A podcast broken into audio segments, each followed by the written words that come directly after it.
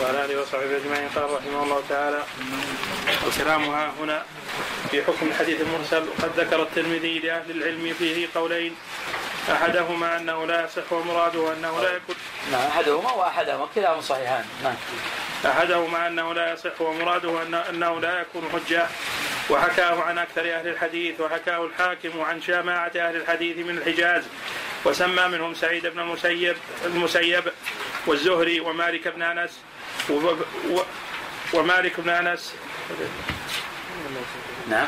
هذا هو موجود والشافعي وأحمد. والأوزاعي والشافعي وأحمد.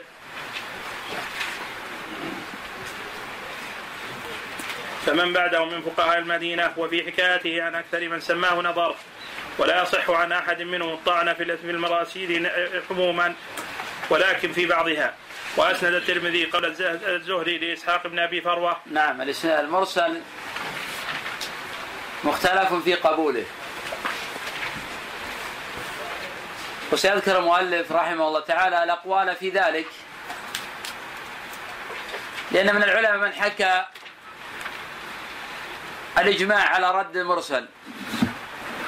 كما أشار إلى هذا المعنى مسلم في مقدمة صحيحه. وهذا فيه نظر. ومن العلماء من قال أن رد المرسل مطلقة بدعة حدثت بعد المئتين. وهذا قاله الحافظ ابن جرير رحمه الله.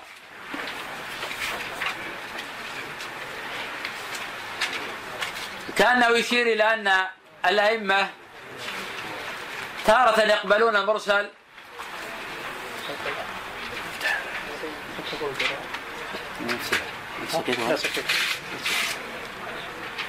وتارة يقبلون المرسل. فما كان الأوائل يردون المرسل مطلقا. ولا كان الأوائل يقبلونه مطلقا. ولكن الأصل في المرسل أنه مردود. ولا يعني أنه إذا كان الأصل في المرسل الرد ألا يقبل شيء من ذلك. ويجب أن ننتبه وننبه دائما وأكرر أننا حين نتحدث عن المرسل لا نقصد المرسل المصطلح عليه عند المتأخرين وهو من روى التابعي عن النبي صلى الله عليه وسلم. لا نقصد هذا المعنى. وأنا نبهت أكثر من مرة. فقد لا أنبه في المستقبل ينبغي التنبه من الآن. المقصود من المرسل نحن نصطلح على ما عليه الأوائل. هو المنقطع. أن يعطيني خمسة أمثلة للمنقطع. نعم. سريد منقطعة اي أعطنا ما تستطيع. نعم. سريد منقطعه نعم. أبي عبيدة عن عبد الله بن مسعود. أبو عبيدة عن مسعود. لكن هذا منقطع صحيح. لكن هذا مردود. مقبول. مقبول. يعني عطنا منقطع قد تكون مردود. لكن ما مانع مثال صحيح طبعا. مراسيل الحسن عن ابن عباس الحسن عن ابن عباس هذا مثال اول والحسن عن أبي هريرة مثال ثاني. وعمران. والحسن عن عمران على الصحيح هذا مثال ثالث. وعن سمرة في غير ما سمع في غير ما سمع كحقيقه هذا مثال رابع ما روى سعيد بن المسيب عن قدماس عن أبي عن عمر بن الخطاب رضي الله عنه. نفس عمر سعيد سمع. سعيد سمع بعض الشيء كل ما سمع بعض. مجاهد عن سعد. مجاهد عن سعد صحيح. في رمينا في جمرة العقبة ستة أو سبع أمثلة جيدة. طيب ما شاء الله الأخ أعطنا خمسة. نريد خمسة أخرى. أعطنا خمسة. طمعنا أطمعنا الأخ. ساقها كلها. علقمة بن وائل عن أبيه علقمة بن وائل عن أبيه الصحيح أنه سمع في مسلم. احتج في مسلم صحيحه صح له الترمذي. لعلك تقصد عبد الجبار. لأن لعلقمة ابنان عبد الجبار و لوائل عبد الجبار وعلقمة. علقمة سمع على الصحيح وقول الأكثر. أما الذي لم يسمع هو عبد الجبار. نعم عبد الجبار عن أبيه منقذ صحيح. مثال ثاني. أنت التزمت تأتي بخمسة أمثلة. على واحد. على واحد؟ يلا على واحد عطنا الثاني جد مالك عن نعم. مالك. عن النبي. نعم. بس هذا منقطع بعيد يعني. ما في قريب. كم بين النبي بين مالك وبين النبي صلى الله عليه وسلم؟ نعم. ما في غيره؟ سعيد بن عن أبي موسى. أنا اللي نشير إليه ولا الذي عكرمة نجيب. نعم. عكرمة عمن عن أكرم ابن عباس سمع من عباس ومن أصحابه. حديث من بدل دينه فاقتلوه في البخاري. أيوب عن عكرمة عن ابن عباس. نعم. قيس بن حازم عن جرير. قيس بن حازم عن جرير. سمع منه. سمع منه. لكن بعض الحديث تكون مرسلة. كحديث أنا بريء موسيقى بين أظهر المشركين. اسمع بن خالد عن قيس بن حازم عن النبي صلى الله عليه وسلم هذا الصواب فيه الإعلان لكن هو سمع منهم. خاصة قيس بن حازم وخضرم سمع من أكابر الصحابة. إبراهيم عن عائشة. إبراهيم عن عائشة صحيح. هذا منقطع. علي بن طلحة عن علي بن طالب بن عباس في واسطة نعم صحيح. عطاء بن السائب عن ابن عباس. عطاء بن السائب عن ابن عباس. حط مثال سعيد بن أبي هند عن أبي موسى. سعيد بن أبي هند عن أبي موسى الأشعري صحيح. عطنا خمسة رواة ضعفاء. خمسة رواة ضعفاء. الآن الأمثلة هذه اللي قال الأخوان قيدها عندك مرة ثانية تصير إماما فيها أو ما نسأت تسوي عشرة. فهذا هذا هكذا تكون الإمامة. كما قال يقول العالم من جمع علم غير إلى علمه. والأمثلة هذه تبرزك تعطيك قوة. شاف ابن حوشة طبعا مختلف فيه لكن الصحيح إنه ضعيف. صدوق سيء الحفظ يضطرب في الأحاديث. نعم. نعم. عبد الرحمن بن ابي ليلى. عبد الرحمن بن ابي ليلى. أكيد. ضعفته. أنا أظن إني ضعفته؟ من يشهدك إني ضعفه؟ الأخوان؟ لا لا حضرت. عندك طيب من يشهدك الاخوان حضر حضر مثل ما حضرت. أصبر خلي شوف صحيح كلامه؟ أنا ضعفت عبد الرحمن بن ليلى؟ نعم. محمد. أنا ضعفت محمد بن عبد الرحمن بن ليلى. عبد الرحمن بن ليلى إمام ثقة ثبت. يقول ادركته 120 من أصحاب رسول الله صلى الله عليه وسلم ومن رجال الستة. ثقة ثبت لا نزاع فيه. أنا ضعفت ابنه. محمد بن عبد الرحمن بن أبي ليلى الذي يقول شعبة عنه ما رأيت واحد اسوء حفظا منه طيب أنا أخطأت أجل. سيء الحفظ مشكلة. عرض ثالث. في راجل دائما نمثل به هو أشهر واحد حتى العامه تعرف حتى النساء تعرفه رحمه الله. دائما نثني على فضله وعلمه وزهده وورعه لكنه في الحديث أصبح نارا على علم. خمسة إيه؟ نعم صارنا اللي إحنا نتحدث عنه الآن. ما هو المقصود في ذهني؟ اقصد الحارث الأعوان. لا لا. ولا هي عافية. لا الحدث العوار ليس كالبلاهية البلاهية خير من الحدث العوار نعم حدث العوار مثال. مثال أخير خامس. أنا. إيه نعم أنت. عاصم بن عبد النجود لا عاصم بن صدوق على الصحيح عنده سوء حفظ لكنه صدوق. وحديث لا تذهب الليالي والأيام حتى أملك العرب رجل أهل بيتي لا هذا من طريق عاصم بن نجود رواه عن السفيانان نعم. أبناء زيد بن أسلم الثلاثه ابن زيد بن أسلم الثلاثة صحيح. صحيح. نعم.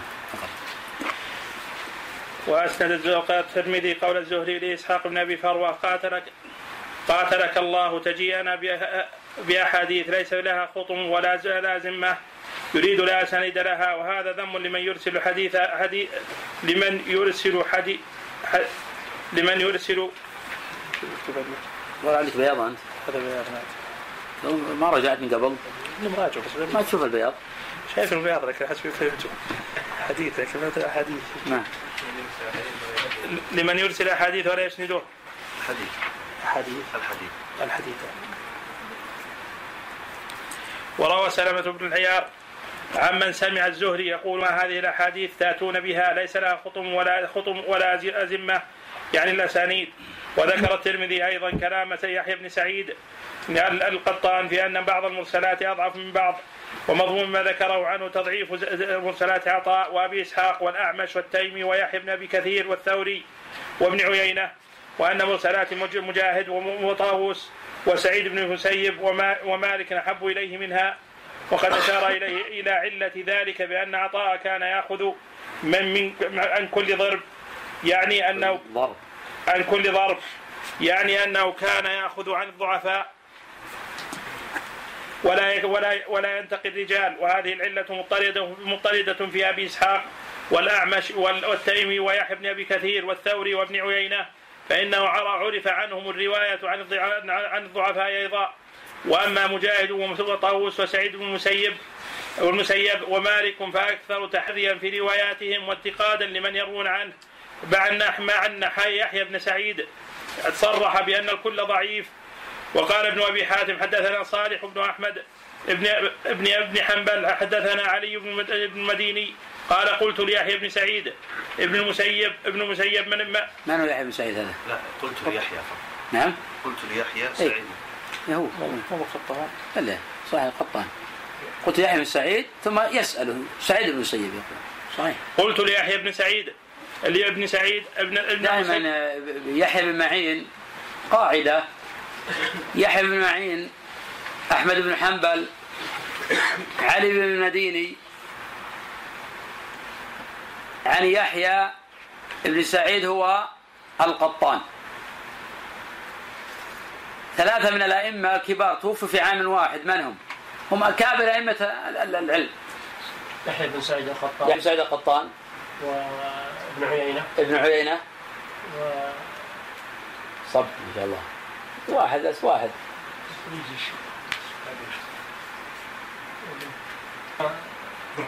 عبد الرحمن بن مهدي. توفوا عام كم؟ 198 198 الذي يرغب يا إخوان في مواصلة الضبط العلل وكذا ممكن نعطي نماذج على موارد وفيات يصير في انتقال لبعض الأخوة. الذي يرغب في ضبط العلل. لأن الآن في من, من الباب من اليوم دخلنا في عمق علم الأسانيد والرجال وما يتعلق بذلك. فلي من الآن يا الذي يريد الضبط يريد الإتقان يراجع قبل يأتي الموارد والوفيات والتراجم. فعلى هذا يشير إلى كتب لابد تتوفر عندكم. لمن أراد أن يكون من أهل الحديث. الكتاب الأول تهذيب الكمال. وأفضل طبعة له طبعة بشار عواد.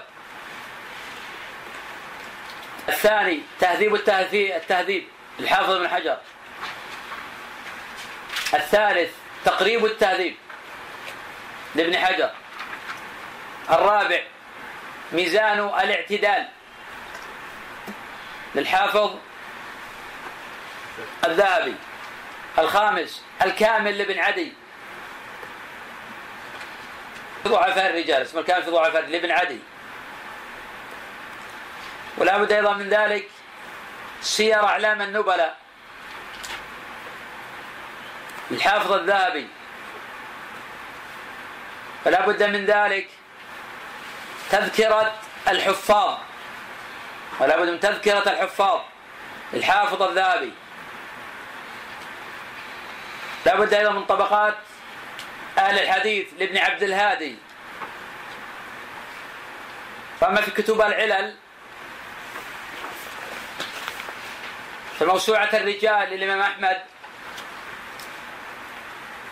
والعلل لابن أبي حاتم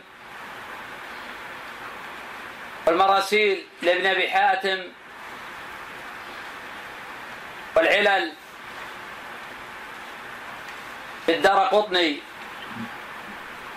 تحقيق الشيخ محمد الدباسي هذا تحقيق جيد والكتاب نافع ومفيد.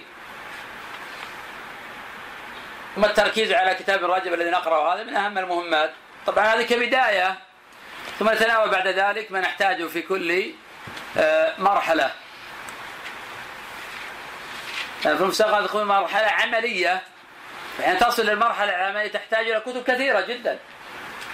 في الرجال وفي العلل وفي الطبقات ونحو ذلك.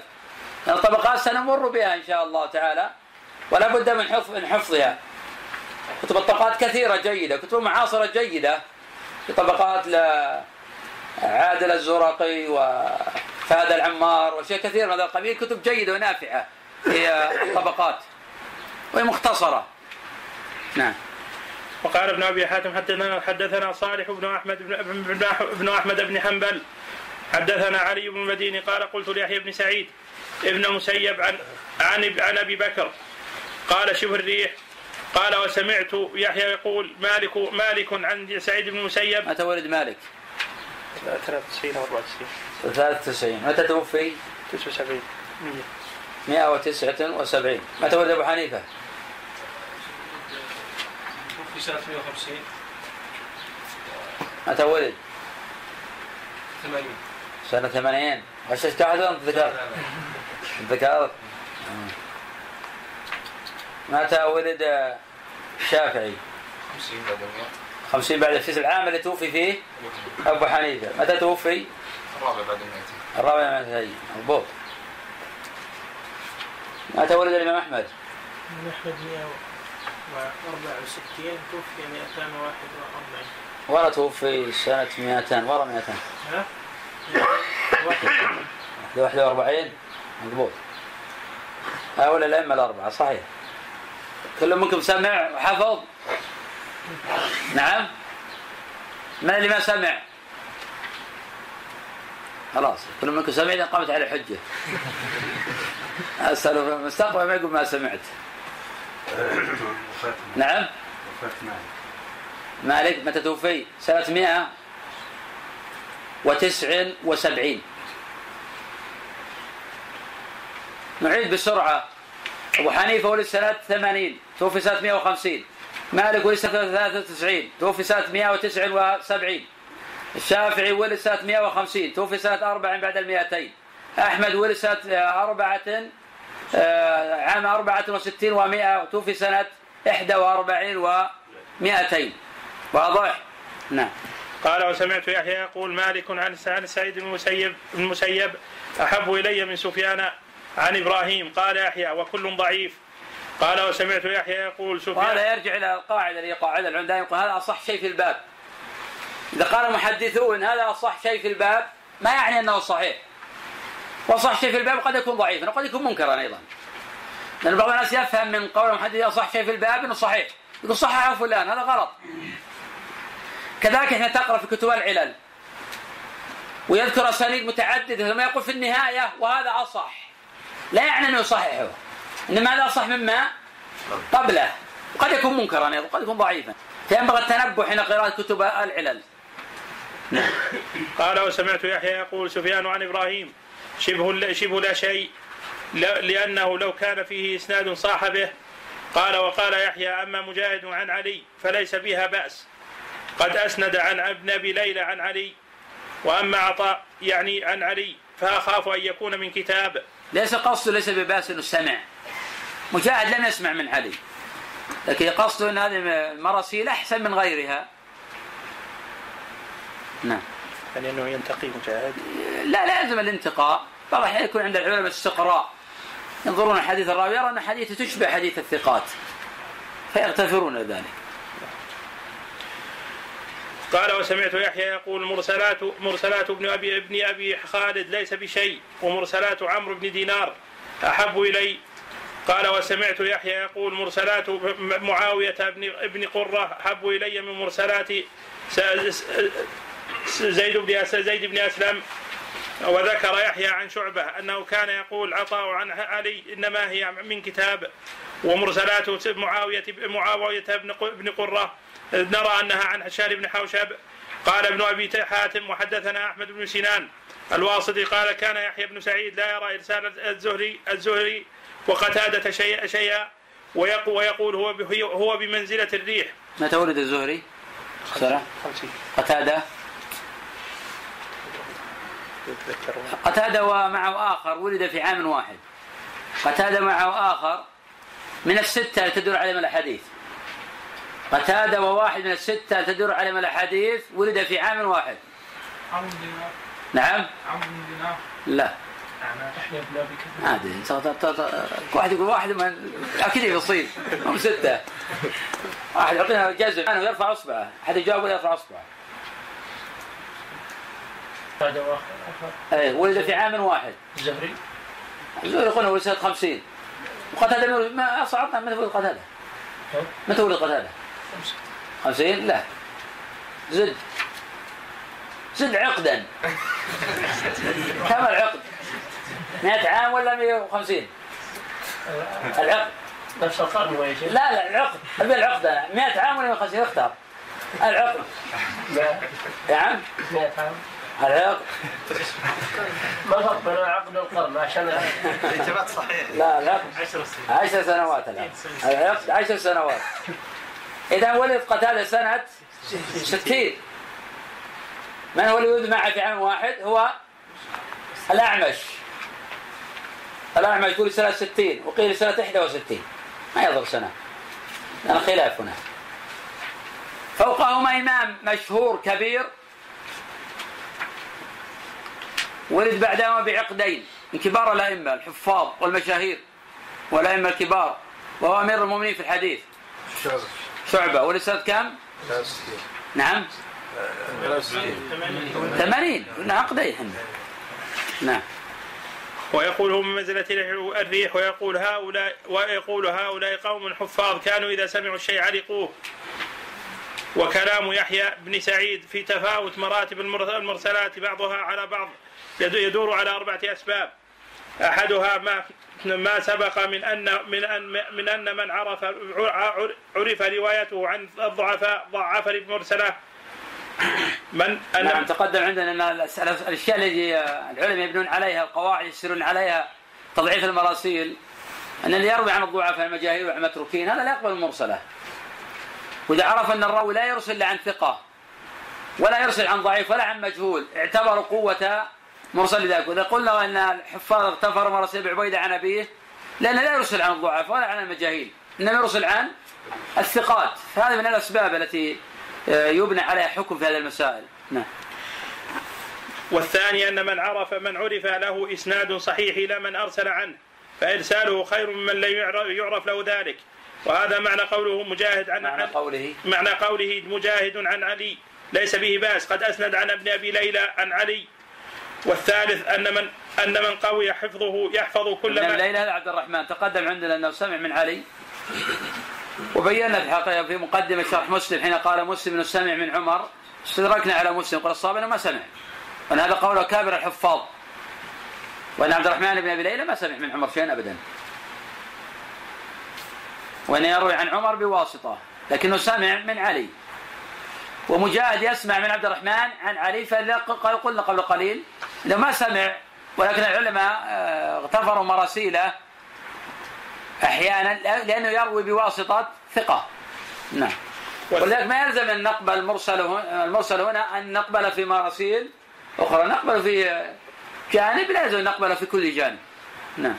والثالث أن من قوي حفظه يحفظ كل ما سمع ويثبت في قلبه ويكون فيه ما لا يجوز الاعتماد عليه بخلاف من لم يكن له قوة الحفظ. ولهذا كان سفيان إذا مر بأحد يتغنى يسد أذنيه حتى لا يدخل إلى قلبه ما يسمعه منه فيقر, فيقر, فيقر فيه.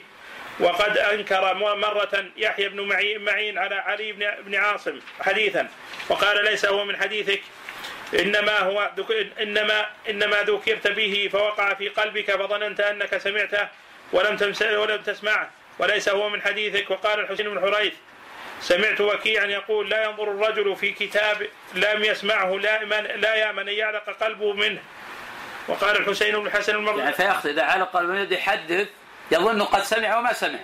تختلط عليها الأحاديث. يعني بعض الاحيان قوة الحفظ ما تكون مصلحته محققة قد تكون في في شيء من المضرة. فلذلك بعض العلماء يوصي إنك ما تنظر في كل كتاب حتى لا يعرف في ما ليس من آه هذا الشيء. لكن التركيز في حيث الناحية العلمية من أسباب ضبط العلم وتأصيله. حتى لو كان عنده قوة حفظ يركز يكون عنده تركيز على جوانب معينة. التكرار مهم جدا. لأن العبد ما بلغ في الحفظ وفي المنزلة يحصل له نسيان إذا ما كان في مذاكرة ولا فيه تكرار. أصبر وتضجر من مطلب فآفة الطالب يضجر. أما ترى الحبل بتكراره في الصخرة الصماء قد أثر. نعم. وقال الحسين بن الحسن المر المروزي سمعت المروزي. المروزي سمعت عبد الرحمن بن ابن مهدي يقول كنت عند أبي عوانة. أبي عوانة. أبي عوانة. ما اسمه أبي عوانة؟ وضاح صحيح. أحسنت. أيوه اسمع الثاني ابن؟ ابن يشكر بن عبد الله اليشكري نعم صحيح. فحدث بحديث عن الأعمش فقلت ليس هذا من حديث الأعمش اسمه الأعمش. سليمان بن نعم أنا أسمع ولا الأعمش. فقلت ليس هذا من حديثك. قال بلى قلت لا. قال بلى قلت لا. قال يا سلامة هات الدرج.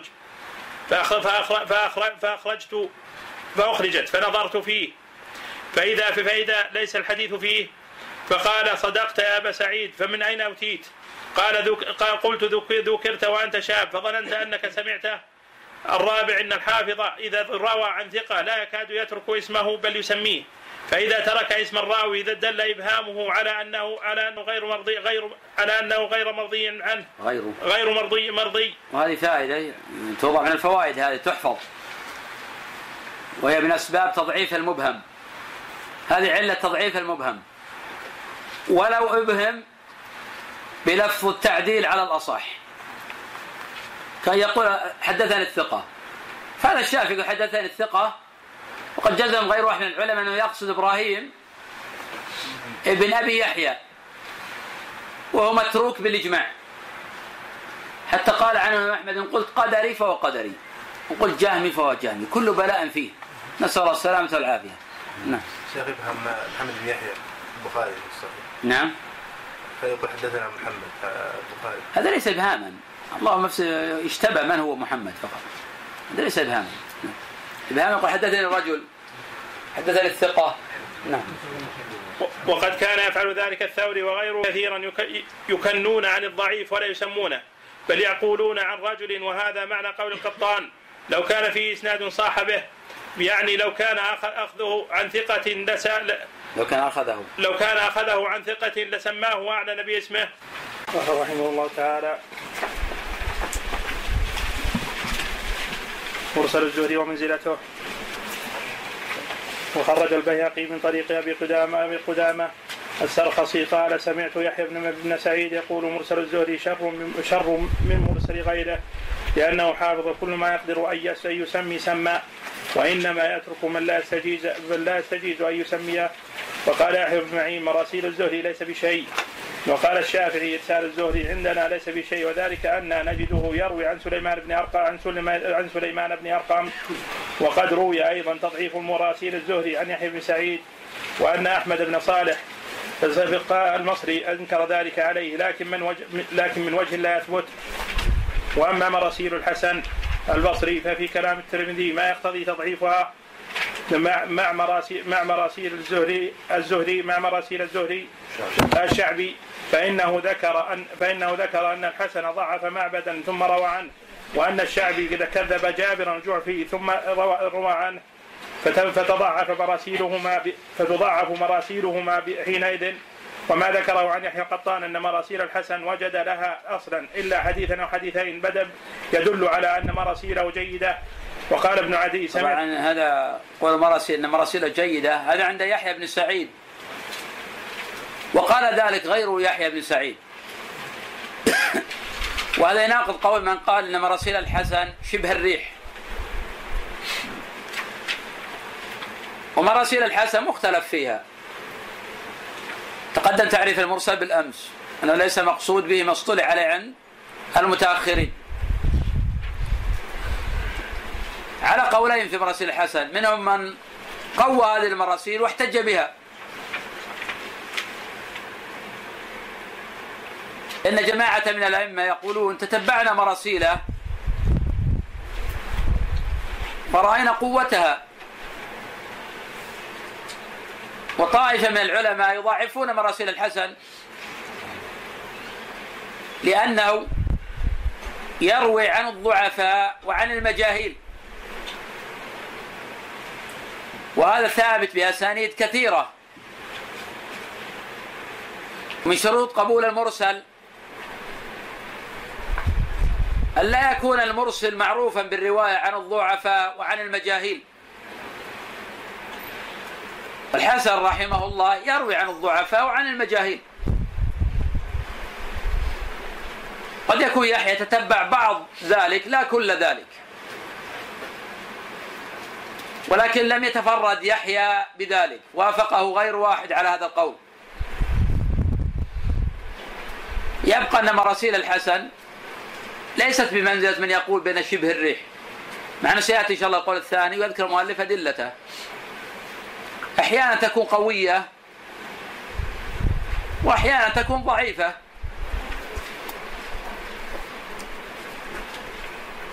إذا لم تعلم الواسطة فإنه يضعف. كما قلنا الحسن عن أبي هريرة ضعيف انقطاع. حسن عن ابن عباس ضعيف للانقطاع. الحسن عن عمران ضعيف في أصح قولي العلماء. وإن كان عمران بصريا الحسن البصري بصري.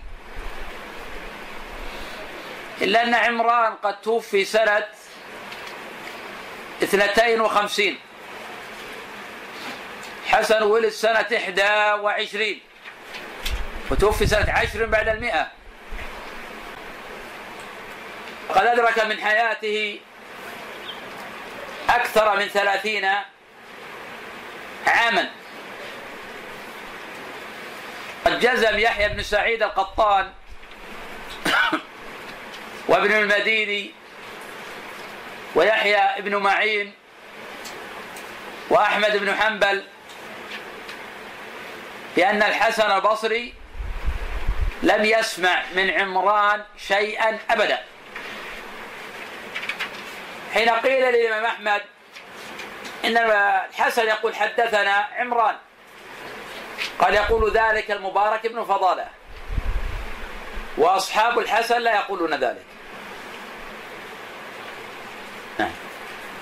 وقال ابن عدي سمعت الحسن بن عثمان يا ابن عثمان يقول سمعت أبا زرعة الرازي يقول كل كل شيء يقول الحسن. قال رسول الله صلى الله عليه وسلم وجدت له أصلا ثابتا ما خلا أربعة أحاديث. وخرج عبد الغني بن سعيد من طريق نصر بن مرزوق. وسلمة بن بن مكتل قال سمعنا الخصيب بن ناصح يقول كان الحسن إذا حدثه رجل واحد عن النبي صلى الله عليه وسلم بحديث ذكره فإذا حدثه أربعة وأربعة بحديث عن النبي صلى الله عليه وسلم ألقاهم وقال قال رسول الله صلى الله عليه وسلم سلمة بن مكتل مصري ذكره ابن يونس والخصيب والخصيب بن الناصح مصري أيضا متأخر لم يدرك الحسن إنما يروي عن إنما يروي عن خالد بن خداش ونحوه ونحوه. وروي يروي عنه أيضا عبد الرحمن بن بن عبد الله بن الحكم بن عبد الحكم. قال محمد بن احمد بن احمد بن محمد بن أبي بكر المقدمي. سمعت علي بن المديني يقول مرسلات الحسن التي رواها عنه الثقات صحاح ما أقل ما يسقط منها. وقال ابن عبد البر روى عباد بن منصور سمعت الحسن قال ما حدثني به رجلان. قلت قال رسول الله صلى الله عليه وسلم. وروى وروى محمد بن موسى الحرشي, الحرشي عن ثمامة بن ابن عبيدة. حدثنا عطية بن محارب عن يونس قال سألت الحسن قلت يا أبا سعيد إنك تقول قال رسول الله صلى الله عليه وسلم ولم تدرك. قال كل شيء سمعته أقوله. قال رسول الله صلى الله عليه وسلم فهو عن علي بن أبي طالب رضي الله عنه. قال كل شيء سمعتني أقوله. على قال رسول الله صلى الله عليه وسلم عن فهو عن علي بن أبي طالب رضي الله عنه غير أني في زمان لا أستطيع أن أذكر عليا وكان في عمل الحجاج وهذا إسناد ضعيف ولم يثبت للحسن سماع من علي. وذكر البخاري في حديثه ففي تاريخه قال قال الهيثم بن عبيد الصيد. الصيد. الصيد. اسمه الصيد. حدثني أبي قال قال رجل الحسن إنك لا تحدثنا. قال قال النبي صلى الله عليه وسلم فلو كنت تسند إلينا قال والله ما كذبناك ما كذبناك ولا كذبنا لقد غزونا لقد غزوت إلى خراسان غزوة معنا فيها 300 300 من أصحاب رسول الله صلى الله عليه وسلم وهذا يدل على أن مراسيل الحسن أو أكثرها أو أكثرها عن الصحابة وضعف آخرون مراسيل هذا لو صحت الحكاية. هذا الحكاية غير صحيحة. فالحسن رحمه الله لم يدرك هذا العدد. وإن كان قد ولد سنة إحدى وعشرين. عادة في من ولد في مثل هذا العمر يدرك جمع من الصحابة. كان بإمكانه أن يسمع من عثمان. خاصة الحسن كان في المدينة. وعثمان رضي الله عنه كان مستقرا في المدينة. لكن لم يثبت شيء من هذا. والسماعات لا تثبت بمجرد المعاصرة أو الاكتفاء بوجوده في البلد. الحسن لم يسمع من عثمان ولم يسمع من علي شيئا أبدا. وأعجب من هذا أنه لم يسمع من أبي هريرة وقد توفي أبو هريرة سنة 58 ولم يسمع من عائشة وقد توفي سنة 58 قبل أبي هريرة بقليل. وأعجب من هذا أنه لم يسمع من ابن عباس قد توفي سنة 68 وأعجب من هذا أنه لم يثبت سماعه عن ابن عمر. وقد توفي ابن عمر سنة 74 جابر قلت في سنة 74 سمع الحسن رضي الله عنه من أبي بكرة ومن أنس بن مالك ومن معقل بن يسار. نعم. وضعف آخرون مراسيل الحسن. وروى حماد بن رحم روى حماد عن ابي عن ابن عون عن ابن سيرين قال كان ها هنا ثلاثة يصدقون كل كل من حد يصدق يصدقون كل يصدقون كل من حدثهم. وذكر الحسن وذكر الحسن وأبا العالية ورجلا آخر. وروى وروى جرير عن رجل عن عاصم الأحول عن ابن سيرين قال لا تحدثنا عن الحسن عن الحسن ولا عن العالية فإنهما لا يباليان عمن أخذ الحديث. وروى داود بن أبي هند ابن أبي هند. أبو العالية من هو؟ صاحب البخاري. نعم. لا أذكر اسمه ما اسمه. آه، عمرو. ليس اسمه عمرو. بن نعم. درجته. ثقة. ثقة. خرج له من؟ والله ما نعم. البخاري. البخاري معلق البخاري معلقة فقط. فقط البخاري قلنا يا شيخ البخاري سبيع من يدري؟ مسلم يا شيخ. نعم. مسلم. فقط مسلم. مسلم وأبو داود كذلك. خرج واسماعيل أرى أبو العالية رفيع. خرجوا الجماعة. نعم صحيح.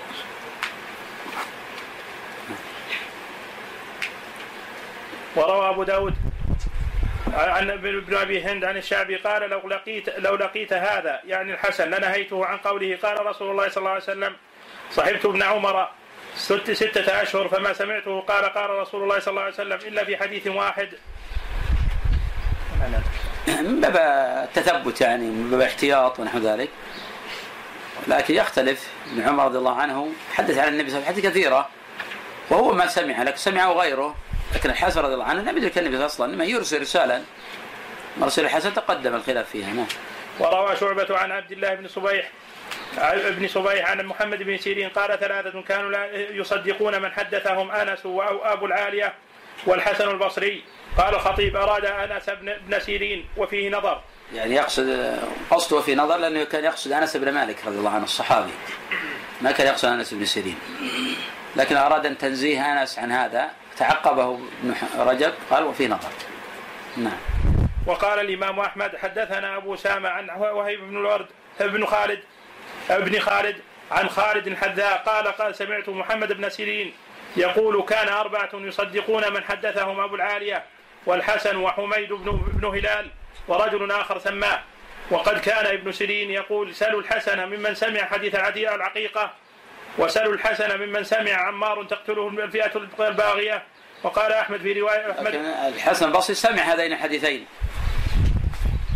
وسماع الحسن من سمرة لحديث الحقيقة موجود في البخاري. وإن كان الحديث عند الأربعة ليس عند البخاري. لكن السماع موجود في البخاري. تقتل عمار الفئة الباغية وفي الصحيح نعم وقال أحمد في رواية الفضل بن بن زياد مرسلات عن سعيد بن المسيب ابن مسيب أصح المرسلات ومرسلات إبراهيم لا بأس بها وليس عندنا مرسلات إبراهيم عن من؟ عن ابن مسعود ماذا أجب؟ أصحاب ابن مسعود علقمه طيب مرسلات إبراهيم النخعي عن مسعود إيش حكمها؟ مقبولة مقبول لماذا قبلت؟ لأنه معروف الواسطه بينهم طيب ماذا قال إبراهيم حتى نعرف الواسطة؟ قال إذا حدثتكم عن واحد فهو ما حدثتكم عنه أي. واذا حدثتكم عن ابن مسعود فهو عن غير واحد من عن. جماعة. طيب هل ممكن سحب هذا على غير ابن مسعود؟ في إبراهيم. أي إبراهيم. يعني ممكن إبراهيم عن عائشة. هل نقول إن عرفت الواسطة؟ إذا علمت الواسطة نعم. لا نحن نتكلم على أصول. على أصول. لا لا لا. يعني ما, ما نسحب القاعدة. صحيح. نعم. هو أطلق هنا يعني لا- يصير. لا معروف. قيد هنا. قيد بكلام مسعود شرحناه بالامس أيضا هذا. وليس في المرسلات اضعف من من مراسيل الحسن وعطاء بن أبي رباح فإنهما يأخذان عن كل عن كل. وهذا دليل على التعليل سبب عدم قبول المراسيل وأن الرجل اذا كان يأخذ عمن هب ودب ويروي عن الضعفاء والمتروكين ولا يتحرى لأنه لا يقبل مرسله. احتمال وجود الضعف في الواسطة أو الجهالة. نعم. وقال أحمد في رواية الميموني وحنبل وحنبل وحنبل عنه مرسلات سعيد بن المسيب ابن مسيب صحاح لا نرى أصح من مرسلاته. زاد الميموني وأما الحسن وعطاء فليس بهي بذاك. هي اضعف المراسيل كلها فإن فإنهما كانا يأخذان عن عن كل. وقال وقال, وقال ابن سعد قالوا ما أرسل الحسن ولم يسنده فليس بحجة. وقال أحمد في رواية ابنه عبد الله ابن جريج كان لا يبالي من أين يأخذ؟ وبعض أحاديثه التي يرسلها يقول أخبرت عن فلان موضوعه ومد- وممن تكلم وممن تكلم من السلف المراسيل ابن سيرين وقد تقدم قوله كانوا لا يسألون عن الإسناد حتى وقعت الفتنة. وقوله لما حدث لما حدث عن أبي قلابه أبو قلابه أبو قلابة رجل صالح. ولكن عمن أخذه أبو قلابة أبو قلابة. ما وكذلك اسمع بقلابه قف على كذلك قف على هذا. قف على لك ما اسمع بقلابه عبد الله بن زيد. ترى بن زيد ليش؟ الانصاري إن شاء الله نعم. لا. من هو؟ قرشي ثقفي. هذيك خيارات. هذيك ثلاث خيارات. إيش رأيك؟ ما خالف القرشي بس. الأزدي الجرمي. يمكن ما؟ هو؟ جربوا جرمي وكذلك تقدم قول ابن المبارك إن ما روي له حديث عن حديث حديث عن الحجاج بن دينار عن النبي صلى الله عليه وسلم بين الحجاج بن دينار وبين النبي صلى الله عليه وسلم مفاوز تنقطع فيها اعناق الإبل. وقد سبق كلام شعبة ويحيى بن القطان ويحيى القطان. وكذلك ذكر أصحاب الشافعي أن مذهبه ان المراسيل ليست. ليست حجة واستثنى بعضهم مراسيل سعد سعيد سعيد بن مسيب ابن مسيب وقال هي حجة عنده قال أبو الطيب الطبري وعلى ذلك يدل كلام الشافعي ومن أصحابه ومن أصحابه من قال إنما تصلح للترجيح لا غير وقال يونس بن عبد الأعلى قال لي الشافعي ليس منقطع بشيء ما عدا منقطع ابن ابن المسيب خرجه ابن أبي حاتم في أول كتاب المراسيل عن أبيه عن عن يونس. وهذا يوضح ما تقدم من المقاصد. أنه يقصد بمرسل هو المنقطع. فنتحدث عن المنقطع. والمراسيل تقدم بالأمس وسيتقدم الآن. منها ما هو مقبول ومنها ما هو مردود. فلا يرد المرسل مطلقا ولا يقبل مطلقا. وسيذكر المؤلف رحمه الله تعالى كلاما عن الأئمة بأنهم قد يقبلون المرسل. وتقدم عندنا بالأمس قول الحافظ بن جرير وأن رد المرسل مطلقا بدعة حدثت بعد المئتين. بدعة حدثت بعد المئتين. بمعنى انه قبل المئتين كان الأوائل يفصلون في المرسل. وتأوله عن على أن مراده أن يعتبر أن يعت- أن يعتبر بمراسيل سعيد بمراسيل سعيد بن المسيب بن المسيب وخرجه عبد الغني بن عبد بن سعيد من طريق محمد بن سفيان بن سعيد المؤذن عن يونس به. قال ابن أبي حاتم سمعت أبي وأبا زرعة ويقولان لا يحتج بالمراسيل ولا تقوم الحجة إلا بالأسانيد الصحاح. وكذلك قال الدار قطني المرسل. لأن نحن نشترط في في الحديث. ماذا نشترط في الحديث؟ اتصال الإسناد. شروط الحديث الصحيح خمسة بنقل عدل تام الضبط اتصل السند غير معلل ولا شاذ. فيقولون هذا يناقض هذه الشروط فلا نقبله مطلقا. لأن لا نعلم الواسطة. وإذا كنا لا نعلم الواسطة لا نقبله. وهذا صحيح إذا كنا لا نعلم الواسطة مطلقا ونجهلها. لكن نحن لا نشترط هذا في هذا. إنما نقول في الرجل الذي لا يرسل إلا عن ثقة أو نعلم الواسطة التي بينهما. أو الرجل الذي لا يروي عن الضعفاء ولا عن المجاهيل. لا يروي عن الضعفاء ولا عن المجاهيل. نعم. قال كذلك قال الدار قطني المرسل لا تقوم به حجة وخرج مسلم في مقدمة هذا الأصل. نعم هذا الأصل. أن المرسل لا تقوم به حجة هذا الأصل. ومذهب جماهير العلماء. ولكن يفصل فيه كما تقدم؟ وكما سيأتي أيضا زيادة تفصيل. ونحتاج إلى المرسل أحيانا إذا ورد الحديث من طريقين. مرسل صحيح إلى من أرسله ثم جاء الخبر من وجه آخر في إسناد صدوق سيء الحفظ ونحو ذلك. فنقوي هذا بهذا. ما لم يكن أصلا في الباب. فإذا كان أصلا في الباب فلا نقبله. أما إذا لم يكن أصلا فنقبله. لأن هذا المرسل الصحيح تقوى بالطريق الآخر. نعم. وخرج مسلم في مقدمة كتابه من طريق قيس بن سعد. عن مجاهد قال جاء بشبشير بن كعب العدوي إلى ابن عباس فجعل يحدث ويقول قال رسول الله صلى الله عليه وسلم فجعل ابن عباس لا يأذن بحديثه ولا ينظر إليه فقال يا ابن عباس ما لي أراك لا تسمع لحديثي أحدثك عن رسول الله صلى الله عليه وسلم ولا تسمع. فقال ابن عباس إنا كنا مرة إذا سمعنا رجلا يقول قال رسول الله صلى الله عليه وسلم ابتدرته بصارنا ووصينا إليه بآذاننا فلما ركب الناس الصعبة والذلول لم نأخذ الصعبة والصعبة. كيف الصعبة؟ لكم هكذا؟ ما في معنى نعم. الصعبة والذلول لم نأخذ من الناس إلا ما بما نعرف. ثم قال مسلم في أثناء كلامه المرسل في أصل قولنا وهو وقول, وقول أهل العلم. بالأخبار ليس ليس بحجة. القول الثاني في المسألة الاحتجاج بالمرسل وحكاه الترمذي عن بعض أصحاب العلم وذكر كلام ابن إبراهيم النخعي أنه كان إذا أرسل فقد حدثه به غير واحد وإن أسند لم يكن عنده إلا عمن أرسل عمن سماه. لكن قيدنا هذا بالأمس أن هذا خاص برسالاته عن عبد الله بن مسعود ليس عاما. وأن مراسيل إبراهيم النخعي عن عائشة غير مقبولة. وإذا أرسل إبراهيم عن ابن مسعود قبل. وهذا ذكره غير واحد تقدم كلام الأئمة بحروفه في هذه المسألة. فعلى هذا تكون مراسيل إبراهيم قوية عن ابن مسعود. كمراسيل أبي عبيدة بن عبد الله مسعود عن أبيه. كمراسيل علي بن طلحة عن ابن عباس. كمراسيل سعيد بن مسيب عن عمر. نعم. كان إذا أرسل وقد حدثه به غير واحد وإن أسند لم يكن عنده إلا من سماه وهذا يقتضي ترجيح المرسل على المسند على المسند لكن عن النخع لكن عن النخعي خاصة فيما أرسله عن ابن مسعود خاصة وقد قال أحمد في مراسيل النخعي لا بأس بها. وقال ابن معين مرسلات مرسلات ابن ابن المسيب أحب إلي من مرسلات الحسن ومرسلات إبراهيم صحيحة إلا حديث تاجر البحرين وحديث, وحديث الضاحك في الصلاة. وقال أيضا إبراهيم واعجب إلي بالمرد مو بعد ابن مسعود الضحك في الصلاة؟ نعم. الضحك في الصلاة. واضح. ذكر عن الوسيله الآن.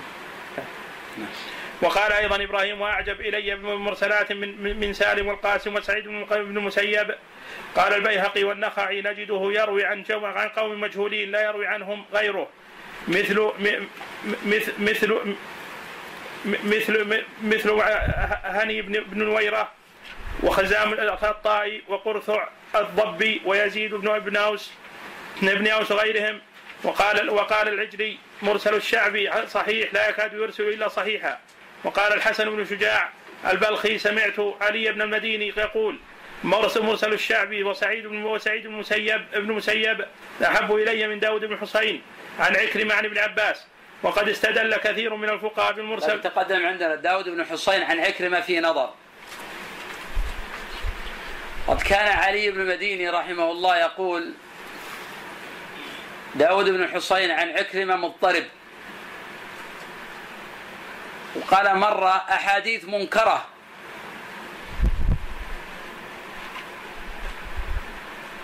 وهذا من دقائق علم الرجال والعلل حيث يكون الحافظ ثقة كل الرجال ضعيفا في فلان. وهذا من أسباب الأسباب ذكرت لكم بالأمس في معنى على شرطهما. أننا لا نقبل.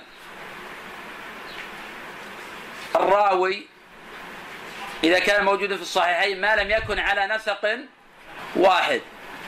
ذكرت ثلاثة أقاويل في معنى على شرطهما. ما هي؟ ما معنى على شرطهما؟ على نفس رجال البخاري ومسلم. القول الأول أن يكون رجال الإسناد هم رجال البخاري ومسلم. هذا القول الأول. قلنا هذا قول ضعيف. لأنه لا معنى هذا قد تكون في علة. وضربنا مثلا بذلك في حديث همام بن يحيى وهم رجال الستة عن ابن جريج وهم رجال الستة عن الزهري وهم رجال الستة عن أنس وهو الصحابي كان الرسول صلى الله عليه وسلم إذا أراد يدخل الخلاء وضع خاتمه قلنا هو معلول قد قال أبو داود عقب في سنن هذا خبر منكر. قال الثاني أن رجالهم روى لهم الشيخان نفس الرجال السند روى هو نفس هذا القول الأخير يكون رجال موجود عندنا هم رجال الشيخين. أنهم في القوة وال- والتوثق مثل رجال نعم. القول الثاني أن هؤلاء في القوة والضبط كرجال الشيخين. قلنا أيضا هذا ضعيف القول. وهذا القول الثاني في المسألة القول الثالث. ثالث أن الإسناد نفس إسناد الصحيح. نعم. أن يوجد هذا الإسناد على نسق واحد في الصحيحين وهذا صح الأقوال حينئذ نعلم أنه قد انتفت علته. لأنه قال البخاري قد خرج له من هذا الطريق بنفس هذا الإسناد. لأن البخاري قد يتقي فلانا عن فلان. من ذلك أبو معاوية محمد بن خازم الضرير ثقة في الأعمش.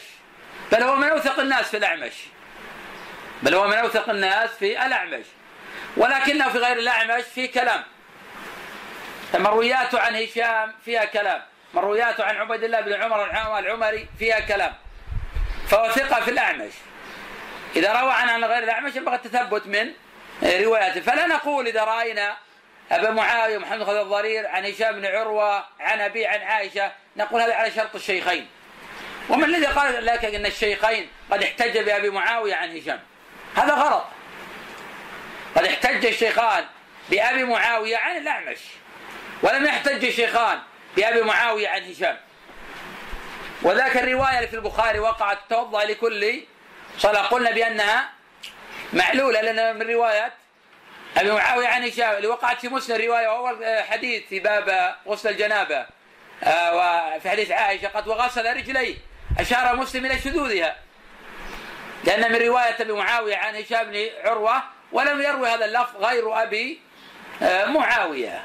ولهذا نظائر ولهذا نظائر. نعم. وقد استدل كثير من الفقهاء بالمرسل وهو الذي ذكره أصحابنا عن أنه الصحيح عن الإمام أحمد وهو قول أبي حنيفة وأصحابه وأصحاب مالك أيضا هكذا أطلقوه. وفي ذلك نظر سنبين علته إن شاء الله تعالى. وحكي الاحتجاج بالمرسل عن أهل الكوفة وعن أهل العراق جملة وحكاه الحاكم عن إبراهيم النخعي وحماد بن أبي سلم سليمان وأبي حنيفة وصاحبيه وقال أبو داود السجستاني في رسالته إلى أهل مكة المؤلف رحمه الله تعالى يورد أحيانا قول بعض الفقهاء من ليس لهم عمق في علم الحديث مثل قبول المرسل.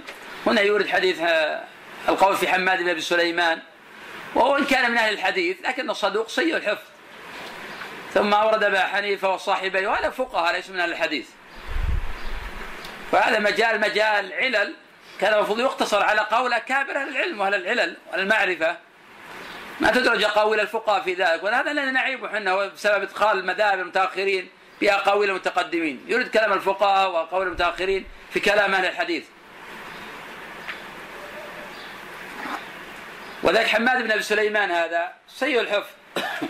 وكانت له عناية بالفقه. وذاك من تلاميذه حماد بن زيد.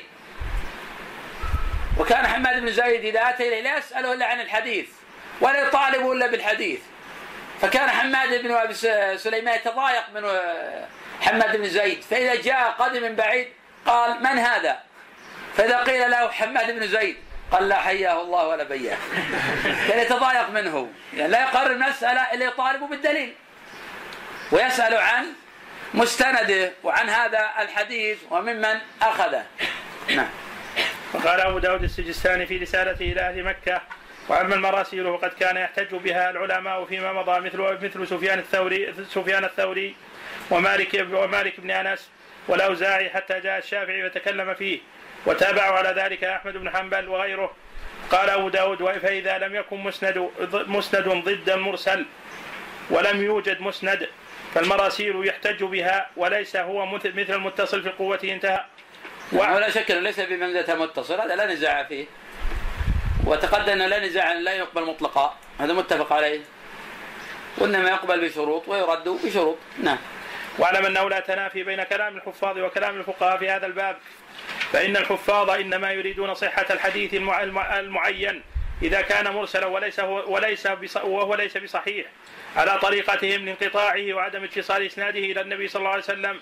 وأما الفقهاء فمرادهم صحة ذلك المعنى الذي دل عليه الحديث. فإذا عضد ذلك عضد ذلك المرسل قرائن تدل تدل على أن له أصلا قوي الظن بصحته بصحة ما دل عليه. فاحتج به مع ما احتف به من قرائن القرائن وهذا هو التحقيق في الاحتجاج بالمرسل عند الأئمة كالشافعي وأحمد وغيرهما مع أن مع أن في كلام الشافعي ما يقتضي صحة المرسل عند حين وقد سبق قول قول أحمد أحمد في مرسلات ابن المسيب صحاح وقع مثله في كلام ابن المديني وغيره قال ابن المديني في حديث يرويه أبو عبيدة ابن ابن عبد الله بن مسعود عن أبيه هو منقطع وهو حديث ثبت. نعم حديث ثبت لأنه يروي بواسطة أهل بيته. وهذا دليل على وجب التثبت في مرويات أبي عبيدة. كأبي عبيدة عن أبيه كان الرسول صلى الله عليه وسلم في التشهد الأول كأنه على الرضف أي الحجاره المحماة. هذا منقطع لكنه مقبول. لأن مرويات أبي عبيدة عن أبيه قوية. هذا علي المدينة يحتج بها يعقوب يحتج بها الدار قطني يحتج بها. نعم. قال يعقوب بن شيبة إنما استجاز أصحابنا يدخلوا حديث ابن أبي عبيدة مع نبيه في المسند يعني في الحديث المتصل لمعرفة أبي عبيدة أبي عبيدة بحديث أبيه وصحتها وأنه لم لم لم يأتي فيها بحديث منكر. وقد ذكر ابن جرير وغيره أن إطلاق القول بأن مرسل ليس بحجة من تفصيل من غير تفصيل بدعة حدثت بعد المئتين. ونحن نذكر كلام الشافعي وأحمد في في ذلك بحروفه.